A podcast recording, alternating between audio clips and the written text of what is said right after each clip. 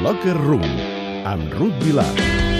De seguida arriba el Meli, que avui ens porta la final de la final dels himnes del millor himne del futbol català. Avui us exposarem els nou himnes candidats a ser escollit el millor himne de la temporada 2016-2017, ara de seguida amb el Meli, però abans passo per Nova York, on hi tenim la nostra companya, la Ruth Vilar. Ruth, què tal? Bona tarda.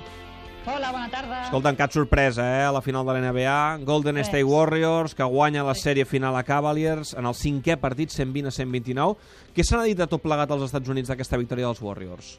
Doncs la paraula que més s'ha fet servir aquests dies és redemption, redempció, Redemption. recordant sobretot el que va passar eh, la temporada passada amb l'inesperada victòria final del, dels Cavaliers i vaja, sí que a nivell estadístic i, i més general es parla de que aquest equip dels Warriors segurament marcarà una època, que és un d'aquests equips històrics de l'esport en general dels Estats Units.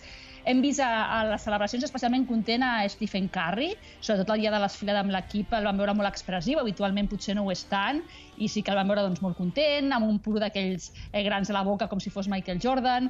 També Kevin Durant, que eh, explicava aquests dies que tenia moltes ganes de per fi guanyar alguna cosa. Ell sempre explica que s'ha vist sempre com, com un d'aquests jugadors segundón que diuen, eh? perquè recorda High School va quedar el segon amb el seu equip, el draft de l'NBA va ser segon, i ara per fi sí que ja ha pujat al grau més alt del podi.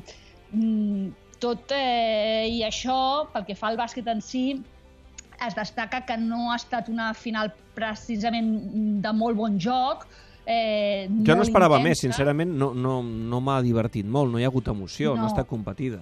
Exacte, eh, superioritat clara dels Warriors i, i no, no és que- una d'aquelles finals que, que passarà a la història i que recordarà, eh, doncs això no passarà segurament. I, i vaja, se n'ha parlat, de, no sé si és per aquesta contundència, aquesta diferència, se n'ha parlat un parell de dies i gairebé no se n'ha parlat més. Eh, i ara de l'NBA, el que ja s'està parlant, és, és del draft, que, que ja el tenim en els pròxims dies. Ara em parles del draft, però que tens un lloro a casa. No, és un nen petit. Ostres, bé, bé, m'ho dius de veritat. Ostres, T'ho dic de veritat. ara he fet la gamba de, de la Bé, temporada, bé, eh? bé, bé, bé. No, he, he, he, sentit un so, de- he sentit, he sentit un so que m'ha El semblat... plorant. Que em perdoni el O nen, eh? Que em perdoni el nen. Va, corramos un tupido velo.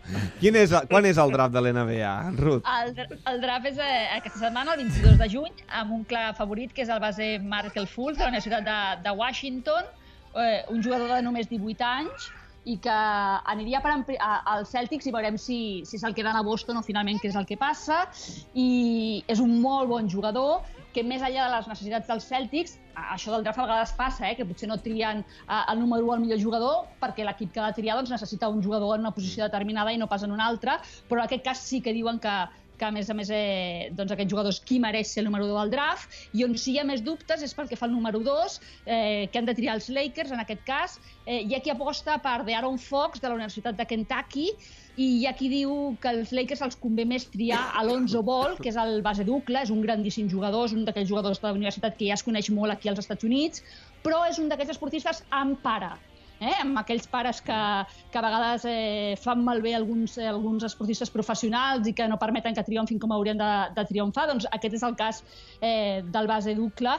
Eh, veurem, segurament els dos estaran entre els 10 primer, entre el top 10 del draft, però veurem en quin ordre, en quin ordre es trien. Dijous, eh? Dijous eh, aquest draft de l'NBA amb aquests noms que apunta Mhm. la Ruth. I més enllà del bàsquet, cap de setmana, sens dubte, de golf, perquè tenim Sí. l'Open dels Estats Units, que suposo que aquí deu moure moltes audiències, no? Sí, sí, sí, aquí se segueix moltíssim, és amb el que obren aquests dies eh, els mitjans de comunicació, les seccions d'esport.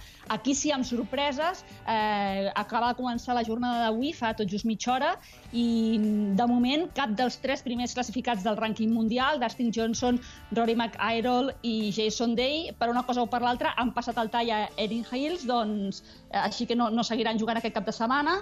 Sergio García és a quatre cops dels líders, hi ha quatre líders ara mateix, Paul Casey, Ryan Harman, Tommy Fleetwood i Brooks Kopke, que estan eh, set sota el par. Mm? I qui s'apunta com a favorit? Doncs en, encara no queda clar si serà un d'aquests. El nom de Sergio García continua sonant, però sí que aquí els mitjans aquests dies estan parlant molt de Brooks Kopka, que és potser el nom amb més novetat de, de, dels favorits que queden ara. És un golfista de Florida que trenca una mica els motllos. És un gran atleta. Si, si veieu aquests dies imatges, mireu-li els braços Ah. i veureu que a vegades que es dius que, el, que els jugadors de golf, mm, si són o no són atletes, doncs aquest és un gran atleta. I, I és un cas curiós perquè va decidir foguejar-se als campionats professionals a Europa en lloc de jugar eh, campionats als Estats Units. I també m'ha semblat curiós perquè el primer campionat professional que guanya és el Challenge de Catalunya, Ah, el sí, va, 2012. aquí va guanyar? Sí, sí, sí. El primer eh, torneig professional que guanya és el Challenge de Catalunya 2012, que es disputava a prop de Calafell, sí, sí.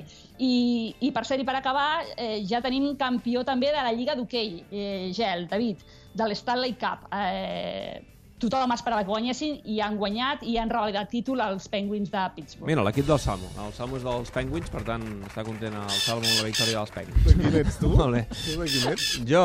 No, dels, dels parrots. Dels parrots. Els parrots de Florida. Molt bé. Brut, eh, res, fes-li un pot al net, de part meva. De part teva. Vinga, adeu-siau. Meli, què rius tu per aquí?